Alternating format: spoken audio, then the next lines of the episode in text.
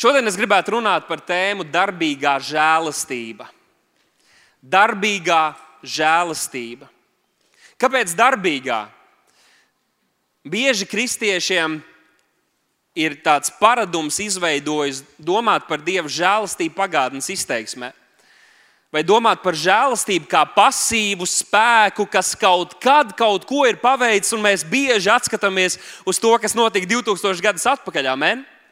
Dievs parādīja savu mīlestību, parādīja savu žēlastību Kristū Jēzu, nomirdams par mūsu grēkiem, uzņemoties mūsu grēku, mūsu sodus pie krusta Golgātā un augšām celās trešajā dienā. Lūk, tev vajag žēlastības, mīlestības pierādījumus, skaties uz Kristu 2000 gadus atpakaļ. Bet vai tas ir viss, ko mēs svinam, vai tas ir viss, ko Dieva žēlastība dara mūsu dzīvēm? Un šodien es gribētu pierādīt, balstoties uz rakstiem, ka tā nebūtu nav. Dieva žēlastība patiesi mūs ir glābusi, bet tā ir darbīga arī šodien. Paskaties, kāds savu blakus sēdošo un pasaki, darbīgā žēlastība. Tāpēc apgalvojums un definīcija, kuras vēlētos, lai mēs paņemam līdzi, šajā nedēļā ir, ka žēlastība ir nepelnīta dieva labvēlība, kas dāvā glābšanu un dara spējīgu dzīvot viņam patīkamu dzīvi. Ilsīšu vēlreiz, varat pierakstīt. Žēlastība ir nepelnīta dieva labvēlība, kas dāvā glābšanu un dara spējīgu dzīvot viņam patīkamu dzīvi. Domājot par Dieva žēlastību, mēs saprotam, ka tā ir tik plaša, liela un spēcīga, ka mēs varētu ielikt jebkādas citas lietas šīs glābšanas vietā, kas dara brīvu no atkarībām, kas dara veiksmīgu, kas dara uh, spējīgu, kas dara laimīgu, kas dara miera pilnu un tad palīdz un dara spējīgu arī dzīvot tā. Žēlastība ir mūsu nepelnīta dieva labvēlība, labestība pret mums, Un tomēr Bībele mums parāda, ka ir kāds priekšnoteikums, kas cilvēkam ir jāievēro, lai viņš šo žēlastību varētu saņemt. Varbūt jūs man varat palīdzēt, jūs zinat, kas tas ir. Kas ir priekšnoteikums, lai cilvēks varētu piedzīvot un saņemt šo dieva žēlastību pavisam personīgā veidā? Un es ticu, ka Bībele to vairāk kārt mums parāda, ka tā ir pazemība. Apstults Jēkabs 4. nodaļā, 6. pantā saka šos vārdus: Dievs stājas pretīm lepniem, bet pazemīgiem viņš dod žēlastību. Ko tas nozīmē?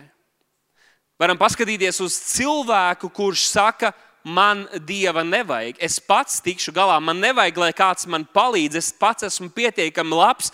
Šādam cilvēkam dieva žēlastība nav pieejama. Viņam vēl aizvien ir nepieciešams, un Dievs vēl aizvien strādā pie viņas sirds, jo saņemt šo dievu žēlstību var tikai tas, kurš gatavs nomesties ceļos un atzīt to, ka viņam šī žēlstība ir nepieciešama. Pazemība. Kāds mācītājs teica, ka glābšanu var piedzīvot tikai tie, kur ir gatavi ieiet valstībā krusta formā, padodoties, pielīdzinoties Kristum, pieņemot viņu un to, ko viņš ir paveicis. Padodoties un atzīstot, ka man nav itin nekā, ko es varu pienest šai sarunai, kā vienīgi Kristus.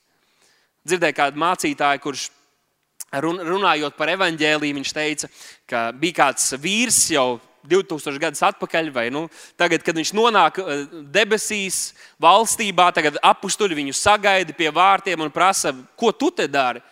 Un viņš atbild, es nezinu. Viņi saka, nu labi, kāds tev vārds, uzvārds, un sāk skatīt cauri rakstu, skatās, vai tu to ievēroji, vai tu to darīji, vai tu to pildīji.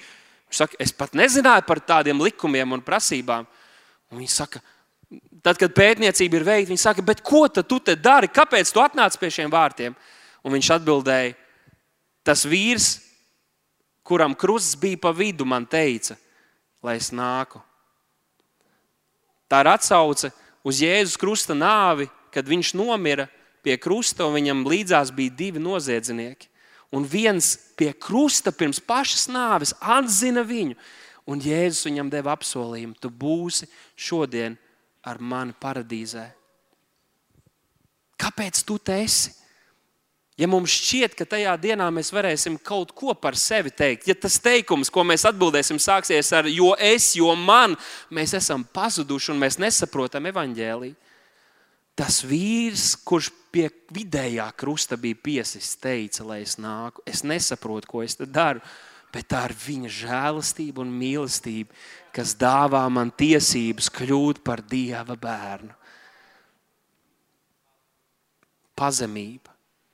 Pazemība. Dievs lepniem stāv pretī, bet pazemīgiem viņš dod žēlastību. Un viens tāds pazemīgs puisis un dieva vīrs. Bībelē mēs saprotam, eh, ka daudzas piemēras varētu atrast, bet man patīk šis piemērs par Dāvidu. Jūs zināt, Dāvidu, kurš bija ķēniņš, un Dāvidu, kurš bija arī gans. Un apakstu darbos mēs lasām tādu ieskatu viņa dzīvē, kur rakstīts, ka viņš, ka tas Dāvids, par viņu runājot, iemantoja dieva žēlastību. Apakstu darbu 7. nodaļā tas ir rakstīts. Dāvids iemantoja dieva žēlastību. Un es vēlētos, ka mēs mazliet padomātu, kā šī žēlastība atklājās viņa dzīvē un kā tā pēc tam darbojās viņa dzīvē ilgtermiņā.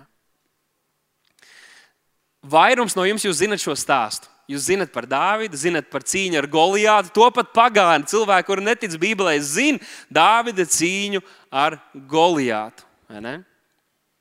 Bet, kas, eh, bet ir daudz, kas šo stāstu nezina, tāpēc es drusku tam gribu pieskarties, dažus, dažus punktiņus uzlikt. Dāvids eh, bija, dzīvoja tautā, kur sauc par Izraēlu. Sen, sen atpakaļ. Viņš dzīvoja Bēltlemē. Tā nebija nekāda centrālā lielā pilsēta, kā Rīga. Latvijā mēs rīznieki labi jūtamies, esam rīznieki. Vispārējās pilsētas ir lauki, lauki un ciemi. Dāvids arī dzīvoja tādā nomaļākā vietā, nost no, no centrālajām lielām pilsētām. Viņš uzauga namā, kur viņa tēvs bija izsaja un viņam bija seši vecāki brāļi. Seši vecāki brāļi, tad māsa, tad viņš un tad vēl viena māsa. Un ir iespējams, ka tie seši vecākie brāļi bija krietni vecāki par viņu, un viņš tā kā uzauga māsu lokā vairāk. Cik daudz esat uzauguši tikai ar māsām, pats liet rokas lepni un, un, un drosmīgi. Lūdzu, mācītājs vēl daudz rokas paceļās. Varbūt jūs šo varat asociēt vairāk ar sevi. Un kas notika? Viņa vecākie brāļi bija kareivi, bija vareni, lieli vīri, gara auguma, spēcīgi, muskuļaini cīnītāji. Ja Dievs kādus būtu izraudzījis, viņš būtu izraudzījis tos vecākos brāļus, sešus no viņiem. Bet notika kaut kas īpašs. Dāvids atrada žēlastību Dieva acīs.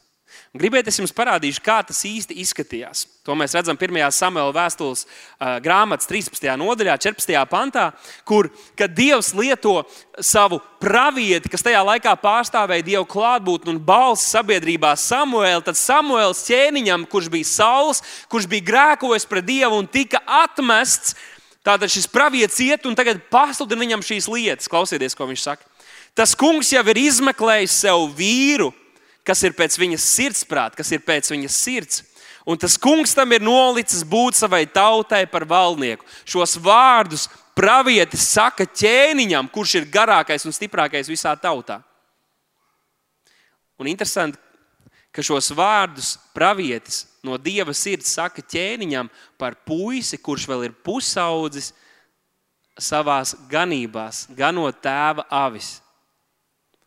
Es esmu izraudzījis savu vīru, kurš ir pēc manas sirds. Ziniet, ko?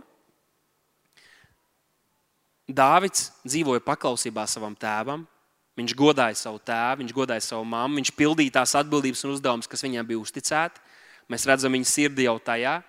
Bet tad mēs arī ieraugam to, ka viņš godāja Dievu. Viņš pārdomāja tos rakstus un, un, un, un baušļus, kurus viņa tēvs viņam bija mācījis, ko viņš bija dzirdējis. Viņš domāja par tiem, viņš pārdomāja to dienām un naktīm.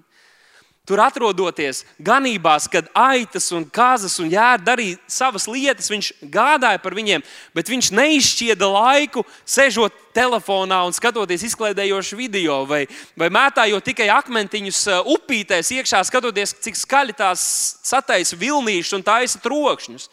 Viņš pavadīja laiku Dieva klātbūtnē, veidojot personīgas attiecības ar viņu un iepazīstot viņu tā, kā daudzi, kas vēl labāk zināja, kam bija pieejami rakstiski materiāli no vecās darbības likumiem, kam tas nebija pieejams.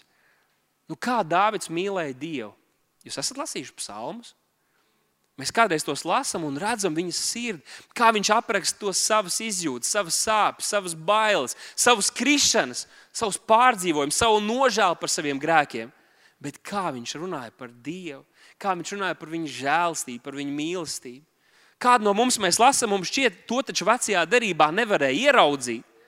Bet viņš Dievu bija iepazinis veidā, ko cilvēks, kurš virspusēji iepazīstās ar vecās derības rakstiem, nespēja saskatīt. Viņš runāja par šīm lietām, viņš apdziedāja Dieva mīlestību, runāja par to, kāds Dievam ir prieks un kādas ir Dieva domas par viņu, kuru daudzi citi nicināja. Un Dievs, un Dievs saka, man patīk šis puisis, man patīk viņa sirds. Un ko es gribētu, lai mēs saskatām šajā raksturvietā? Viņa tēvs un brāļi, viņa ģimene un tuvinieki īstenībā neredzēja neko lielu viņā un nepamanīja, nebūtu izvirzījuši, un kā mēs zinām, vēlāk tajā stāstā neizvirzīja viņu, lai viņš kļūtu par valnieku. Bet viens, viena persona, kurai bija pats svarīgākais, lai viņa tieši to pamanītu, pamanīja viņa sirdi. Tas bija Dievs. Neviens cits neredzēja to, ko viņš darīja savā personīgajā pļavā, savā personīgajās ganībās, veidot attiecības ar Dievu, bet Dievs to redzēja. Un tas sakrīt ar jaunās darbības apsolījumiem, ka tas, ko mēs darīsim, tad, kad cilvēki neredz, kad Dievs mums atmaksās, tad citi cilvēki arī to redzēs. Tas nav izšķērdāts laiks, kad mēs pavadām laiku uz ceļiem Dievu priekšā, kad mēs pavadām laiku studējot Dievu vārdu. Mums var šķist, ka citi varbūt jautrāk pavadīja laiku vai ko citu dara, bet Dievs atmaksās to tad, kad arī citi redzēs to, ko mēs darām, kad citi neredz. Lūkšana, gavēnis, personīgs laiks ar Dievu. Dāvids ir lielisks piemērs tam. Šis mazais uh, gans, un Dievs viņu ierauga un izredz viņu par valdnieku. Un kas notiek pēc tam, to visu stāstu saīsinot, Dievs tagad sūta šo pravieti, lai viņš svaidītu šo nākamo ķēniņu. Un jūs zināt, viņš atnāk uz Isai namu, tad Isais pat Dāvidu neuzaicina šo ķēniņu iesvaidīšanas ballīti, atnāk visi vecākie dēli. Neviens no tiem nav īstais. Tad izrādās, ka ir vēl septītais dēls. Nu, labi, attaicina to arī. Tēvs saka, nevajag, nevajag. Viņš noteikti nebūs. Viņš atnāk, Un kas notiek? 16. nodaļas 12. pāns rakstīts, un tas puisis bija iesārtiem vaigiem, skaistām acīm un labu izskatu. Pasaka kādam savam blakus sēdošiem puisim, tas ir, tas ir par tevi, laikam. Un skatieties, kas notiek. Dāvids ienāk, un tur rakstīts, tas kungs sacīja, tas kungs sacīja Samuēlam: Celies, svaidi to, jo tas ir viņš! Iedomājies! Tu ienāc tādā telpā, tur visādi bagātnieki un tāds grandiozs cilvēks sapulcējušies. Tu ienāc, un Dievs saka, tas ir mans puisis! Tas ir mans puisis. Viņš man ir īpašs. Viņam ir īpašs aicinājums par manu dzīvi. Es runāju tagad par tevi. Ceru, ka tu to saproti. Bet tas nav viss, kas notiek 12. pantā. Dievs pasaka pravietim, ko pravietis nākamajā brīdī dara. 16. un 13. pants. Tad Samuēls ņēma savu eļļas ragu un viņš to svaidīja. Ko svaidīja? Dāvidu svaidīja. Un viņa brāļu vidū viņš to darīja. Un sākot no šīs dienas, tā kunga gars nāca ar spēku pār Dāvida un palika arī turpmāk viņā. Ko es vēlos, lai mēs ieraudzītu?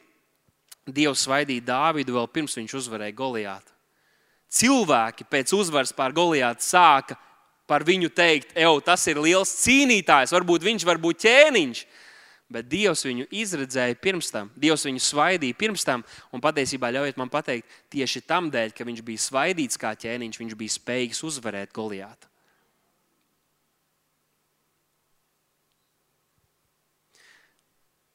Tas, kas šeit notiek ar Dāvidu, tas mums visiem varētu, nu, visiem, kas esam piedzīvojuši Kristu, kas esam sastapušies ar viņa žēlstību, mums tās ir pazīstamas sajūtas, vai ne? Mēs bijām pazuduši savos grēkos. Mēs, mēs bijām nepilnīgi cilvēki ar visām problēmām, visās malās. Un tad mēs dzirdējām evaņģēlīju. Un tad kāds teica, tas ir viņš, tas ir priekš tevis. Dieva žēlastība atklājās mums personīgā veidā. Un tas bija tā, kā mēs ar eļļu būtu nosvaidīti ar eļļu. Mēs saņēmām spēku, mēs saņēmām citu identitāti. Mums teica, tu tagad vairs neesi tas, kurš ir tālu no Dieva. Tu esi tuvu viņam, tu esi ķēniņš un priesteris un izredzēts tam kungam. Tu esi Dieva bērns, nevis vēlna kalps. wow, kaut kādas līdzīgas emocijas, kādas Dārvids piedzīvoja. Interesanti, ka par Dārvidu rakstīts, ka šī svaidīšana notika viņa brāļu vidū. Iedomājieties, ja, ja tie brāļi jau iepriekš viņu īsti neieredzēja, tad līdzīgi kā Jāzep stāstā, padomājiet, kā tagad brāļi pret viņu izturējās. Tu esi ķēniņš. Kāpēc viņiem bija vēl vairāk šis nicinājums un tā attieksme arī vēlāk pret šo viņu mazo brāli, kurš fiziski neizskatījās iespaidīgi?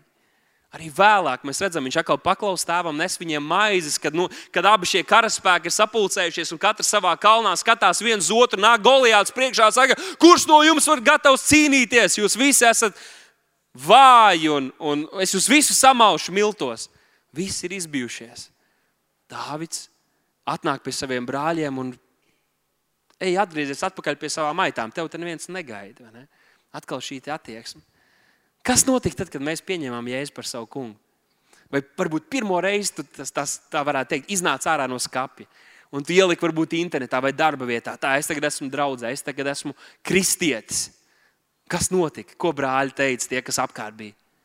Ok, tu mums tagad esi kristietis. Nu, davai. Paskatīsimies, kā tu tagad dzīvosi. Ah, tu tagad esi beigies kristietis. Pareizais tagad būs. Un tad viņi sāk norādīt, ka te tur nepareizi izdarīt. Kristietis tā nedrīkst tā darīt. Tas ir pazīstams emocijas. Jums taču daudziem tā bija. Jūs piedzīvojat pārmaiņas, kaut kas radikāls ar jums notika. Jūs atgriežaties tajā ierastajā vidē, un tur apkārtējie cilvēki tā vietā, lai svinētu jūs, tieši otrādi sāk gremdēt, jūs vilkt atpakaļ vilkt atpakaļ grēkos. Tas jauniem kristiešiem jāņem vērā. Ne visi būs sajūsmā par pozitīvām pārmaiņām. Es esmu dzirdējis, man mūsu draudzē ir cilvēki, kuri iepriekš, kā jauni cilvēki, vien pa ballītēm un dzerstiņiem gāja. Un tad, kad piedzīvoja Kristu, viņa dzīves radikāli izmainījās. Viņi kaut ko gribēja izveidot no savas dzīves, bet viņu vecāki viņiem pārmet to. Un liek viņiem justies vainīgiem. Jūs taču esat jauni, tu vēl vajadzēja tusēties, vajadzēja dzerstīties, vajadzēja izmēģināt vēl visādus puikas. Un Dārvids ar kaut ko tādu saskarās. Efeziešu vēstules 2. nodaļā, 4. pantā ir rakstīts tas, kas ar mums notika Tā žēlastība, kādu mēs esam piedzīvojuši, kādu Dārvids arī tur piedzīvoja, kur rakstīts, bet Dievs bagāts būdams žēlastībā, savā lielajā mīlestībā, ar ko Viņš mūs ir mīlējis. Paldies Dievam par Viņa mīlestību. Viņš arī mūs, kas savos pārkāpumos bijām miruši, darīs dzīves līdz ar Kristu. Žēlastībā jūs esat izglābti. Vēlāk viņš saka, tur nekas nav no mums. Tā ir tikai un vienīgi Dieva dāvana, lai neviens nevarētu lielīties ar saviem darbiem. Tu tikko atnāci pie Dieva, tev nav vispār ar neko lielīties.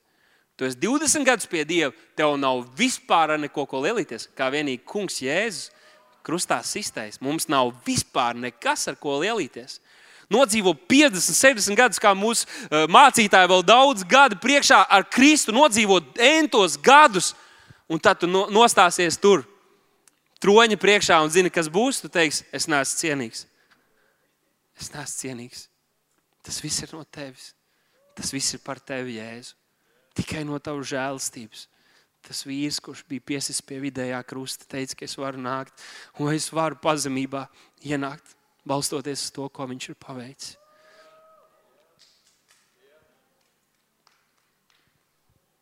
Žēlastībā jūs esat glābti ticībā. Tas nav no jums. Tā ir Dieva dāvana. Interesanti, kas notiek šajā Dāvida stāstā, un arī to mēs esam piedzīvojuši. Eh, ka 13. pāns nenoslēdzās tikai ar pašu šo svaidīšanu, bet 13. pānta noslēgumā ir rakstīts, ka Samuēls cēlās un aizgāja uz rāmu. un es domāju par šo notikumu. Iedomājies, tu esi gans, tu esi meklējis Dievu. Varbūt Dievs jau Dāvidam kaut ko bija teicis, jau kaut ko atklājis un cēlis un veidojis viņu. Un tagad atnāk, tagad atnāk pravietis, kurš ir no paša ķēniņa nama. Viņš ir ķēniņa numur viens pravietis, Dieva balss viņa dzīvē, atnāk, ierauga tevi. Tagad pasaka, tu būsi ķēniņš, svaida, tu piedzīvo, tu esi tā pārgaros, tu piedzīvo tādu Dieva spēku izliešanos. Pat brāļi to redz. Tas viss ir super. Viss tagad notiek. Liekas, o, nu tagad būs. Un nākamajā brīdī viņš aiziet. Viņš vienkārši aizgāja. Dārts pat nezināja, varbūt, kā īsti aiziet līdz tai ķēniņa pilī, kur nu vēl kā kļūt par ķēniņu. Vai viņam neradās jautājumi, kas man tagad ir jāmaina? Kas tikko notika? tā jauna kristieša arī. Kā, kas notika? Tāpēc mums ir pamācības, kurš tagad mēs izskaidrojam, kas notika, ko Dievs izdarīja. Kas man, vai es varu turpināt tāpat, kā es darīju? Vai man jāpaliek pie aitām, vai man būtu jāiet uz ķēniņām, vai man jāiet teikt ķēniņam saulam, ka es tagad esmu ķēniņš? Bet kas būs, ja man matos būs kādas aitu spalvas palikušas un viss par mani smiesies? Kā attiecībā ar sievietēm, vai es varu arī būt draudzīgs, vai kā ar, kā ar tiem maniem dzērieniem, vai es varu to pašu ēst, ko līdz šim esmu ēdis? Man, kas man tagad jādara? Viņam varēja palikt ārkārtīgi daudz jautājumu, bet šis pravietis vienkārši aizgāja, atstādams viņu dievu žēlastības ziņā, atstādams dievu žēlastībā. Un apakstu darbos mēs vairākās vietās redzam, piemēram, kad kalpotāji tika iecelti, lai, lai dotos un darītu kaut ko, ka tur ir rakstīts, ka viņi tika atstāti Dieva žēlastībā. Kādā citā vietā arī par, par ticīgiem rakstīts, ka viņi atstāja Dieva žēlastībā. Viņi uzticēja Dieva žēlastībai. Žēlastībai, kas ir pasīva, ko Kristus paveic, ne žēlastībai, kas vēl aizvien darbojas mūsos. Žēlastībai, kas vēl aizvien darbojas mūsos. Un domādams par šo situāciju, kur, situāciju, kur atrodas Dāvids, Es iedomājos par Pāvila vēstuli romiešiem, sesto nodaļu, kur Pāvils iepriekš ir runājis par dieva taisnību, par žēlastību, par, par cilvēku grēku un sodu, par tiesu, un tad par dieva žēlastību tādā veidā, ka viņš aizved līdz šim jautājumam, kuram dabīgi vajadzētu nākt katra cilvēka sirdī, kad mēs dzirdam par to, cik Dievs ir labs. Un sestās nodaļas pirmajā pantā Pāvils uzdod šo jautājumu, kas daudziem ticīgajiem bija, un tas skan tā, ko lai nu sakām vai paliksim grēkā, lai vairojas žēlastība. Un, ziniet, mēs, kas esam rūtīti kristieši, mēs sakām, nu kas tas par jautājumu? Kā var tā prasīt? Mēs taču zinām, tur un tā un tā. Bet Pāvils uz to tā neatbild. Kas tie par jautājumiem? Neuzdodiet tādus jautājumus. Viņš tā kā saka, tas ir loģiski, kādiem šie jautājumi rodas. Ko nu darīsim? Paliksim grēkā, Ja tu saproti, ka Dieva žēlstība ir tik liela, un ziniet, mēs kā laicīgi cilvēki, un īpaši tie, kuriem vairs nav 12 gadi, mēs taču zinām, kāda mēs esam pareizi. Mēs zinām, kā mēs reaģējam, mēs zinām, kā mēs uh, vadām savu autotransportu. Mēs zinām, kād, kādas joks mēs saprotam, kā mēs bieži aizvainojam cilvēkus. Mēs zinām, kā mums patīk apmelot, kā mums patīk runāt melus. Mēs zinām, visāds, mēs pazīstam sevi. Un kāds jau saka, 20 gados cilvēks var izmainīties, bet kas ir 30 vai 40 gadi? No vienas puses, varētu teikt, ka oh, Dieva žēlstība ir tik liela, Viņš mūs ir izglābis. Tad mēs vienkārši tā varam turpināt dzīvot, vai ne? Jo Dieva žēlstība ir tik liela. Viņš piedod mūsu tagadējos, agrākos un nākamos grēkus. Vai tas, vai tas jautājums nav loģisks, zinot, ka mēs esam cilvēki, kas mēs ļoti grūti mainamies? Un Pāvils uz šo jautājumu atbild pavisam noteikti un skaidri. Nē, nekādā ziņā nē. Debesis aizliedz, tas ir pat nedomā par to, pat neapsver tādu domu. Viņš saka, kā lai mēs grēkā dzīvojam, ja mēs grēkam esam miruši. Kā lai mēs dzīvojam grēkā, viņš parāda, ka Dievs ne tikai izglāba tevi tajā brīdī, kad tu noticēji Kristum, bet Viņš tevi radīs par jaunu cilvēku un dod tev spēku tagad dzīvot citādāk, dod tev spēku mainīties. Tu esi cits cilvēks, un tev jāatklāj to, tās pārmaiņas, kādas Dievs ir izdarījis tavā dzīvē. Nu, šie ir jautājumi, līdzīgi kā Dāvidam, kad aizgāja pravietis, viņam bija radās jautājumi, un arī jauniem kristiešiem rodas šie jautājumi. Vēlāk, 14. pantā, viņš saka, mēs vairs neesam padoti bauslībai, bet žēlastībai. 15. pantā viņš uzdod atkal jautājumu, kāds daudziem kristiešiem radās. Ko tad nu tālāk? Vai lai, grē, vai lai grēkojam, tāpēc, ka neesam padot bauslībai, bet žēlstībai atkal? Diezgan loģisks jautājums. Mēs vairs neesam zem likuma jaunajā derībā. Ja tu esi Jēzu Kristu, tad mums nav nekādas pazudināšanas. Nav likums, kurš saka, tāpēc, ka tu to izdarīji un to tu pārkāpi, tāpēc tu ies uz eli, tāpēc tu tiksi sodīts, jo tas viss ir paņemts malā. Kristus Jēzus mūs ir glābis. Mēs esam brīvi arī no šādiem likumiem, kas mūs ar bailēm gribēja iedzīt ellē. Un viņš uzdod šo jautājumu, ko tad nu darīsim? Vai lai mēs grēkojam, tāpēc, ka neesam padot baustībai, bet žēlastībai? Viņš atkal saka, nekādā ziņā, ne, pat nedomā par to. Kāpēc? Tāpēc, ka tam, kam tu pats izvēlies sevi nodot kā kalpu, tev arī būs jāklausa. Vai grēkam, tas ir vēlnam, vai, vai dievam, un tā, tas ved uz taisnību. Arī no jauna piedzimis, no augšas piedzimis Dieva bērns, var izvēlēties kalpot grēkam un vēlnam. Un par to šeit Pāvils runā. Ja tev ir rodas šis jautājums, ļauj, lai Pāvils to šodien pasakā. Nekādā ziņā, nekādā ziņā ne. Jo, ja tu gribi tā dzīvot, tu kaut ko esi palaidis garām, tu neesi sapratis to, ko Bībele saka, kas mēs esam un ko Kristus ir paveicis mūsu dzīvēm. Rodas šie jautājumi. Ko tad dara žēlstība mūsu dzīvē? Pāvila, Pāvila dzīvē mēs redzējām arī situāciju, kad viņš iet un kalpo un darbojās. Viņš agrāk vajāja draugu, bet tagad viņš pats bija kļuvis par vajājamo.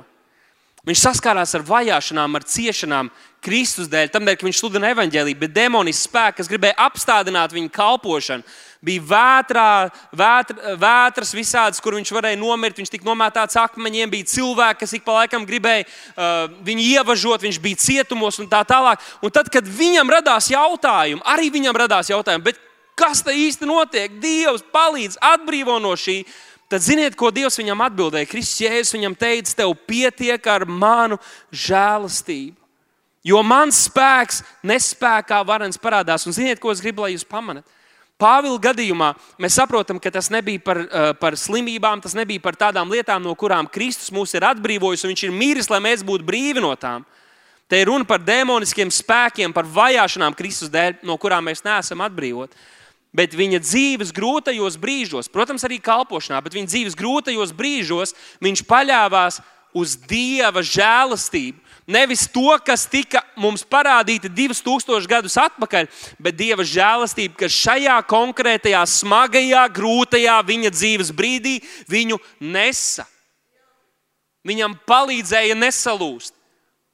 Viņam palīdzēja palikt ticībā. Viņš paļāvās uz Dieva žēlastību. Jo tad, kad mēs esam nespēcīgi un mums ir jābūt pietiekami drosmīgiem, draudzē, kristiešiem, tāpēc ir svarīgi, ka mums ir arī mazās grupas, ka mums ir kopienas, kur mēs varam lūgt viens par otru. Ir svarīgi, ka ir brīži, kad mēs varam pateikt, man šobrīd ir smagi un es jūtos vājš, lūdziet par mani. Kādreiz, zinu, ir mazo grupu chatiņa, kur vienkārši cilvēki ieras lūdziet par mani. Tev nav laika paskaidrot, un negrib paskaidrot, lūdziet par mani. Un es ceru, ka ir brāļi un māsas draudzē, kur tajā brīdī saka, ok, es aiziešu, man jāaiziet labrīcībā. O, kungs, lūdzu par šo brāli, lūdzu par šo brāli. Nes viņu savās rokās, un tu lūdz garā. Tu nezini, kas tas ir, bet lūdz garā, un svētais gars zina, un svētais gars iestājas. Tāpēc, ja tu esi draudzē, un tu vēl neesi atradzis savu mazo grupu, es nesaprotu, ko tu dari. Jēzum vajadzēja, lai viņam ir brāļi līdzās, kas lūdz par viņu, kas lūdz kopā ar viņu.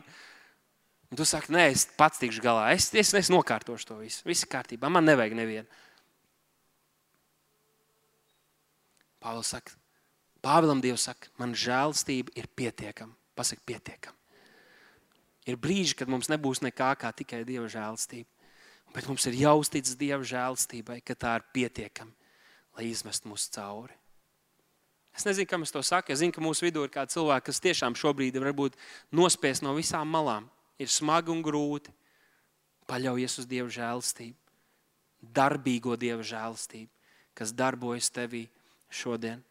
Un Pāvils mums par to parādīja. Skatoties uz Dāvida stāstu, mēs redzam, ka tad, kad Dievs viņu izredzēja, mēs vēl neko nezinājām par viņa krišanām, lai gan tādas arī viņam noteikti bija. Viņš arī bija cilvēks mums līdzīgs. Viss tas, ko mēs esam izgāzušies, viņam arī tas viss sanāca viņa jaunības dienās, bet Dievs tik un tā iemīlēja viņu un aicināja viņu un parādīja viņam savu žēlastību. Bet pēc tam vēlāk viņa dzīvē mēs redzam, ka viņš dažādos veidos izdara sliktas izvēles. Pareizi, mēs zinām to. Viņš bija atbildīgs par, par slepkavošanām, viņš pārkāpa laulību. Mēs varētu uzskaitīt vēl visu kaut kādas lietas, no kuras Dievs pasargā, lai mēs tādas nepieļautu. Un tomēr to, ko mēs redzam, kad šī Dieva sirds un Dieva žēlastība viņa dzīvē saglabājās. Kāpēc? Jo Dieva žēlastība palika ar viņu. Un viņa sirds vienmēr bija, lai Dievu mīlētu. Viņa sirds vienmēr bija gatava ātri atgriezties, nožēlot un atstāt grēka ceļu. Viņš nemīlēja grēku, viņš bija miesā, viņš pieļāva grēcīgas lietas, viņš pieļāva krišanas, uh, viņš klupa un krita. Bet tad, kad viņš saprata, ka viņš rīkojas nepareizi, viņš ātrs bija, lai nožēlotu. Palasiet atkal psalmus, jūs redzēsiet šo viņa sirdi. Un Dieva žēlstība viņu uzturēja cauri tam visam, līdz viņa dēls varēja tikt ārkārtīgi svētīts, un viņa nams vismaz viņa dzīves laikā baudīja lielas svētības. Es gribētu, lai mēs atšķiram savā Bībelītēs Pāvila vēstuli Titam, Pāvila vēstuli Titam, otro nodaļu. Un tur būs tāda kā atslēgas frāze, jeb atslēgas raksturvietas tieši šim, šai svētdienai, kuras gribētu, lai mēs tās pārdomājam. Bet pirms tam es iesākšu mazliet ieskatoties tajā, kas ir rakstīts līdz 11. pantam. Tā kā varat arī tā ar pirkstu vai ar acīm vismaz sekot līdzi tam, kas tur ir rakstīts. Tātad, ah, pirms es sāku, man jāpasaka, ka šī raksturvieta noslēdzas, tātad nodaļa noslēdzas Pāvēlam, sakot Titam, lai neviens tevi nenicina vai nedomā par tevi maz, tātad iedrošinot viņu runāt drosmīgi par šīm lietām. Un iepriekš viņš pat saka, tā kārtīgi un strikti runā par šīm lietām, beigās viņš tā pamudina. Tāpēc ar tādu noskaņu, kā tic to būtu darījis, es arī centīšos to sludināt Pāvela pamudināts. Un tātad Otrajā nodaļā, Pāvila vēstule Titam, otrā nodaļa, tur otrajā pantā mēs redzam, iepriekš viņš pasaka par veselīgu mācību, bet tagad viņš teiks konkrētas pamācības, um, kā kristiešiem ir jādzīvo.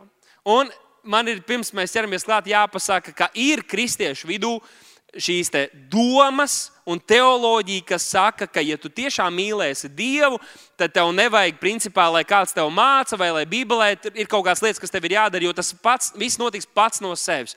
Un lai Dievs dod, ka kādiem tiešām tā arī sanāk, simtprocentīgi izpildīt visu to, ko Dieva, Dieva vārds saka, bez tā, ka tu skaties un centies paklausīt un padoties Dieva vārdam. Bet tādā gadījumā man jāprasa šiem cilvēkiem, varbūt arī tu šeit esi un tu tā domā, man jāprasa, kāpēc tad jaunā derība ir pilna ar konkrētām pamācībām, ar konkrētiem norādījumiem, kā ir jārīkojas noteiktās lietās. Man šķiet, ka tas ir tam dēļ, ka līdzīgi kā Dārvids, arī jauns kristietis un vecās kristietis, mēs kādreiz nesaprotam, kā man ir jārīkojas šajā situācijā, kā man būtu jāatbild, kā man būtu jādara tas.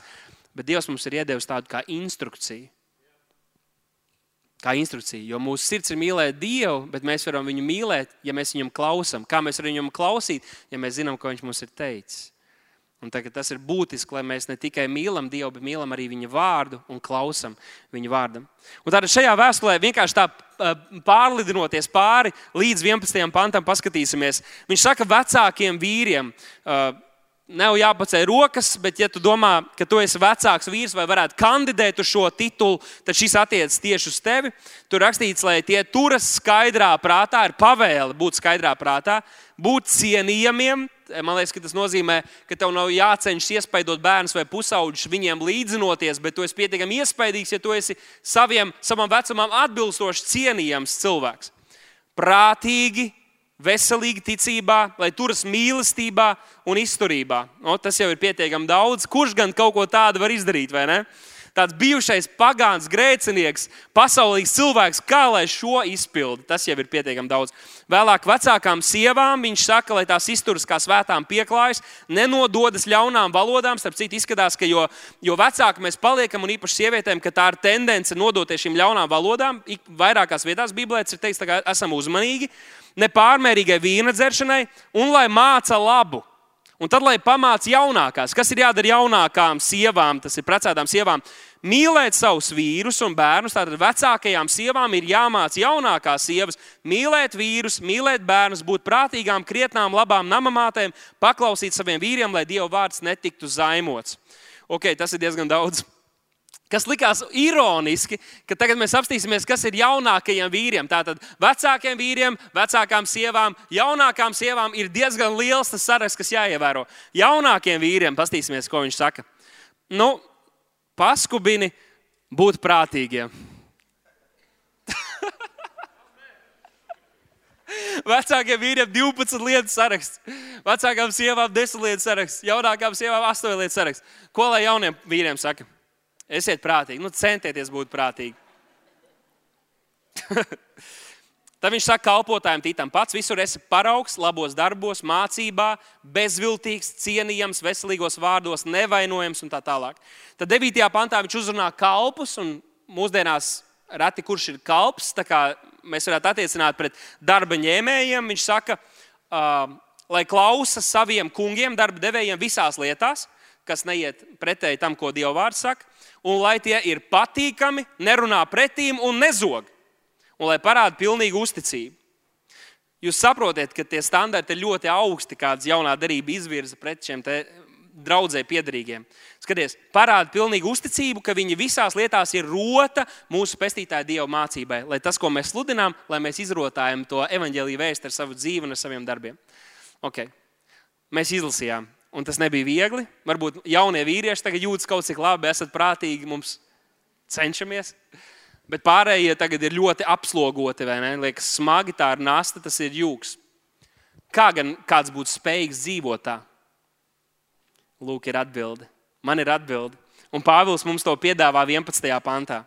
Viņš saka, jo tāpēc, ka viņš pasaka, dzīvojiet šādi, vecākie vīri, vecākās sievas, jaunākās sievas, jaunākie vīri, tie, kas jūs esat nodarbināti, dzīvojiet šādi. Un es zinu, ka tas cilvēkam pat nav iespējams dzīvot šo jauno dzīvi, kristum līdzīgo dzīvi. Bet dzīvojiet tā, jo tāpēc, ka jūs to varat, tāpēc, ka, pasakiet, tāpēc, ka jo ir atspīdējusi žēlastība. Visi šie pienākumi aizved līdz tam, ka ir atspīdējusi žēlastība, ir parādījusies žēlastība, ir kļuvusi redzama žēlastība, visiem ir kļuvusi saprotama žēlastība, kas nes pestīšanu visiem cilvēkiem. Aleluja! Visiem cilvēkiem tā ir pieejama bet pati par sevi žēlastība nevar izglābt tos, kas to nepieņem un neatsauc ticībā. Ja viss būtu atkarīgs tikai no Dieva žēlastības, visi būtu glābti un visi būtu svēti, bet mums ir jālīdz darbojas, un tāda ir 11. pants.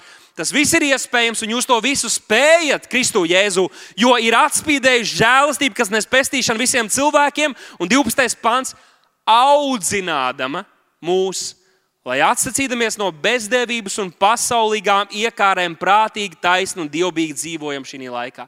Un vēlāk viņš saka, lai mēs, lai mēs dzīvojam, cerot uh, uz šo svēto cerību, cerot. Tātad dzīvojot ar cerību par kaut ko, kad Kristus nāks un viņš parādīsies mums visiem.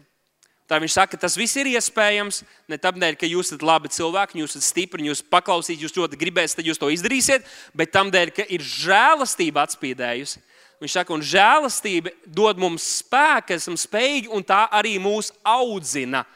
Tā arī mūs audzina. Pagājušajā dievkalpojumā es pieskāros bauslībai kā audzinātājai, atcerieties, kurai vairs nav varas, jo tā mūs pievedusi Kristum. Bet tajā brīdī, kad bauslība mūs pieved Kristum, mums ir jauna audzinātāja. Amen! Atcerieties, kā bija, kad skolā bija viena skolotāja, kura visiem nepatīk, bet tad atnāca cits skolotājs, kas visiem patika, kura mācīja iemācīt priekšmetu, kur bija laipna, kuru pat gribējās godāt un cienīt. Lūk, kas notika! Viena bija tā, kas ar īsti nāca bauslība, teica, ja tu tad būs, tad nebūs, tad elle, tad sots. Un mēs teicām, es negribu to audzinātāju, Jēzu! Un Dievs ielīja mūs savā ģimenē, bet neatstāja mūs bez audzinātājas. Jo arī ģimenē bērnus ir jāaudzina. Cik daudz vecāku saka, amen? Un Dieva valstībā mūsu jaunā audzinātāja ir žēlastība. Tāpēc mēs nevaram turpināt dzīvot grēkā, jo mums ir jauna audzinātāja, kas mums dod spēku, bet kas mums dod gudrību un saprāšanu visās lietās.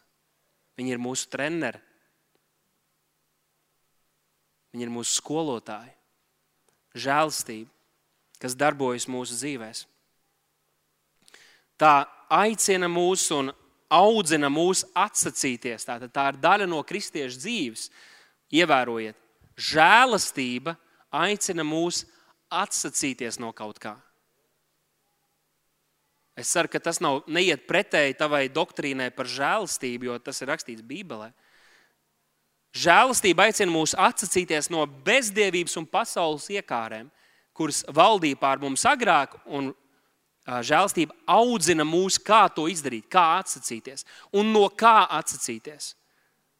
Žēlastība bija tas spēks, kam pravietis Samuēls atstāja Dāvidu, jo žēlastība un Dieva svaidījums palika pār viņu un vadīja viņu un mācīja viņam lietas un palīdzēja viņam nonākt tajā vietā, kur viņam bija jānonāk. Un līdzīgi jaunajā darbā Dievs dod mums caur savu svēto garu arī savu žēlastību, kas turpina mūsos rosīties, darboties un audzināt mūs. Kā dzīvot cilvēkam tā, uh, lai mūsu dzīves liecinātu, ka mēs ticam, ka Dievs ir tātad ar, nevis ar bezdievību, bet ar Dieva apziņu, godājot Dievu. Tā ir Dieva žēlastība, kas mums māca to. Kā dzīvot, atsakoties no šīs pasaules iekārēm, tā ir Dieva žēlastība, kas mums māca, kas mūs audzina, kas mūs disciplinē. Arī šis vārds ir jālieto.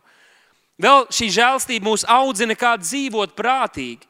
Tātad mums ir jādzīvo prātīgi, bet žēlastība mūs audzina, parāda dažādas situācijas. Jums tas tā ir bijis, ka mēs kaut kur nostartējam, kaut kas notiek, un nākamajā brīdī mums pienāk jauka audzinātāja un saka, klausies, tur nebija pareizi, ka tu tā izdarīji. Tur varēja rīkoties citādāk, tev būtu vajadzējis rīkoties tā. Līdzīgi kā treniņā, arī tur nevienmēr treneris var tev visu paskaidrot pirms spēles, bet spēles laikā kaut kas notiek, un pēc tam ir svilpi, ir taimauts, un tajā brīdī pienāk treneris un saka, klausies, nākamreiz tev jāstāv pretīm tur, vai tev jāiet pa to ceļu, tev jāpiesaista tas spēlētājs. Un to dara, žēl, to dara žēlastība, to dara svētais gars mūsu dzīvēm. Viņš mūs audzina, kā dzīvot prātīgi, kā dzīvot dievbijīgi un kā dzīvot taisni. taisni pareizās attiecībās ar Dievu un pēc viņa prāta. Tā ir svētāpšana. Pirmajā vēstulē, Jāņa pirmajā vēstulē, otrajā nodaļā, viņš rakstīja par svaidījumu, ko mēs esam saņēmuši no Dieva, un tas paliek jūsos. Viņš teica, un jums nevajag, ka kāds jūs mācītu, bet kā viņa svaidījums māca jums visas lietas. Un es ticu, ka tas runā par šo žēlastību. Ka Dieva gars ir mūsos, un Dieva žēlstība mūs audzina. Un ir lietas, kuras mēs dzirdam, un tās savienojas ar to, ko mēs jau kā Dieva bērni zinām, ka tā vajadzēja un ka tā jādara. Jo Svētais Gars mums māca šīs lietas. Un tad ir labi, ka mēs dzirdam to, kas jau ir patiesība mūsu sirdīs. Es zinu, ka ir kristieši, kas kādreiz atnāk pie mācītājiem, pie manis arī kādreiz nāk kādi kalpotāji un uh, nu, uh, cilvēki draudzē, un tad viņi sāk kaut kādas savas lietas stāstīt.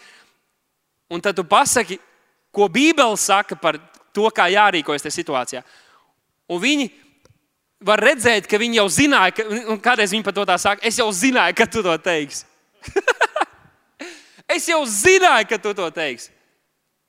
Jo šī ir mūsu augstākā autoritāte. Un, ja tev nepatīk, kas tā ir rakstīts, tad izvēlies citu kungu. Bet, ja viņš ir tavs kungs, tad kalpo viņam, klausa viņam. Un Dieva vārds ir tas standarts, kur mēs varam izvērtēt visas šīs lietas, un žēlastība mums māca un atklāja to, ko Dieva vārds saka. Bet žēlastība dara mūs spējīgus. Efesiešu vēstules 4. nodaļas 7. pantā mēs redzam, ka Pāvils raksta, bet ik vienam no mums ir piešķirta žēlastība tādā mērā, kādā to Kristus mums ir dāvājis. Un šajā brīdī es gribētu, lai mēs padomātu arī par žēlastības daudzveidību un par eh, par specifiskām žēlastībām, kādas mums ir pieejamas.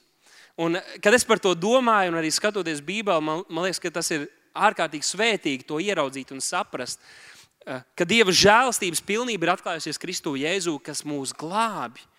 Dieva žēlastība mūs uztur un palīdz mums būt patiesiem Dieva bērniem, bet Dievs dod savu žēlastību arī pavisam specifiskās, varbūt kādam šķiet ikdienišķās, pat laicīgās lietās. Dievs dod savu mīļo žēlastību. Nu, iedomāsimies, ka ir cilvēks, kāds pieaugušs cilvēks draudzē, kurš pēc entajiem gadiem izdomā, es gribu atkal studēt. Tu esi aizmirsis, kā būt par studentu, tev jau tad nepadevās, kur nu vēl pēc 20 gadiem. Bet, ja Dievs tev tajā vada un Dievs tev tajā svētīs, tad Dievs var dot tev īpašu žēlastību būt par studentu. Pat, piemēram, 50 gadu vecumā ja? vai 70 gadu vecumā. Es nezinu, kad tu izlemsi atkal mācīties, bet Dievs tev var dot žēlastību uz to. Ir, ir jauni pāri, kas kas uh, saprot, ka ir viens priekš otru un grib veidot laulību, bet nezina, kā tiks galā, vai viņi ir gatavi būt vīri un sieva. Un ir svarīgi, lai mēs sagatavojamies. Bet tad, kad mēs Dievu priekšā savienojamies, tad ļauj man te pateikt, Dievs dod žēlastību. Sievām būt par sievām un vīriem būt par vīriem. Un jā, varbūt sākumā ir vairāk mums jāpaļaujas, jā, tas Dievs, es ticu tavai žēlastībai. Ir, ir puiši un meitenes, kas, kuriem Pirmā doma par laulību nav bērnu. Varbūt kādu laiku negrib bērnus, bet kad tie bērni ienāk dzīvē, varbūt pārsteidz kādus. Tev liekas, es neesmu tam gatavs, un es varbūt to negribu, bet tev jātic tam, ka Dievs tev dod žēlastību. Dievs tev dod žēlastību, būt par tēvu, būt par mammu. Varbūt, ja Dievs tevi ir aicinājis uzņēmēju darbībā, un tu gribi atnest liels finanses Dieva valstībai un būt par svētību, Ja Dievs tevi tam aicina, tad tev ir jāpaļaujas to, ka tu neituri saviem spēkiem, bet Dievs tev dod savu vareno žēlastību, lai tu spētu to darīt un nepazaudētu svarīgākās lietas dzīvē, lai tu būtu veiksmīgs tajā, ko tu dari. Mēs varētu runāt vēl un vēl par dažādām lietām, bet es gribu, lai tu ieraugi to un notic tam, ka, Dieva žēl, ka Dievam netrūkst šīs žēlstības. Dievs ir bagāts žēlstībā. Un Dievs rūpējas un gādā par saviem bērniem, un mēs netikām radīti, lai dzīvotu šajā pasaulē savā spēkā. Viņš nāk mums palīdzīgā, un Viņš dod mums šo žēlastību. Un pāri visam būt patiesiem Dieva bērniem. Kurš gan uz to ir spējīgs? Tā ir dzīve, kas nav iespējama. Tas nav iespējams dzīvot tā, kā Bībele saka. Tas nav iespējams. Tu vari runāt, mēs varētu divas stundas diskutēt. Es tev pateikšu, tas nav iespējams tā dzīvot. Tikai Dieva žēlstībā. Tikai un vienīgi Dieva žēlstībā mēs spējam virzīties un dzīvot un darboties. Un Pāvils to atklāja savā vēstulē Korintiešiem 15. nodaļā, kur viņš teica, bet no Dieva žēlastības es esmu, kas es esmu. Un viņa man dāvātā žēlastība nav bijusi veltīga. Es esmu vairāk par viņiem visiem strādājis, tomēr ne es, bet Dieva žēlastība, kas ir ar mani. Uhu!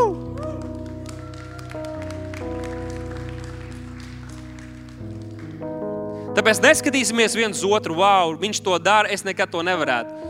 Ja tu tam neesi aicināts, tad tev tam nav dot žēlstību, varbūt. Amen. Bet tam, kam Dievs tev aicina, Dievs tev dod žēlstību. Un Pāvils saka, kas es esmu, es esmu tikai Dieva žēlstībā. Bet viena svarīga lieta, ko es gribu, lai mēs pamanām, nepietiek ar to, ka mēs paļaujamies uz Dieva žēlstību.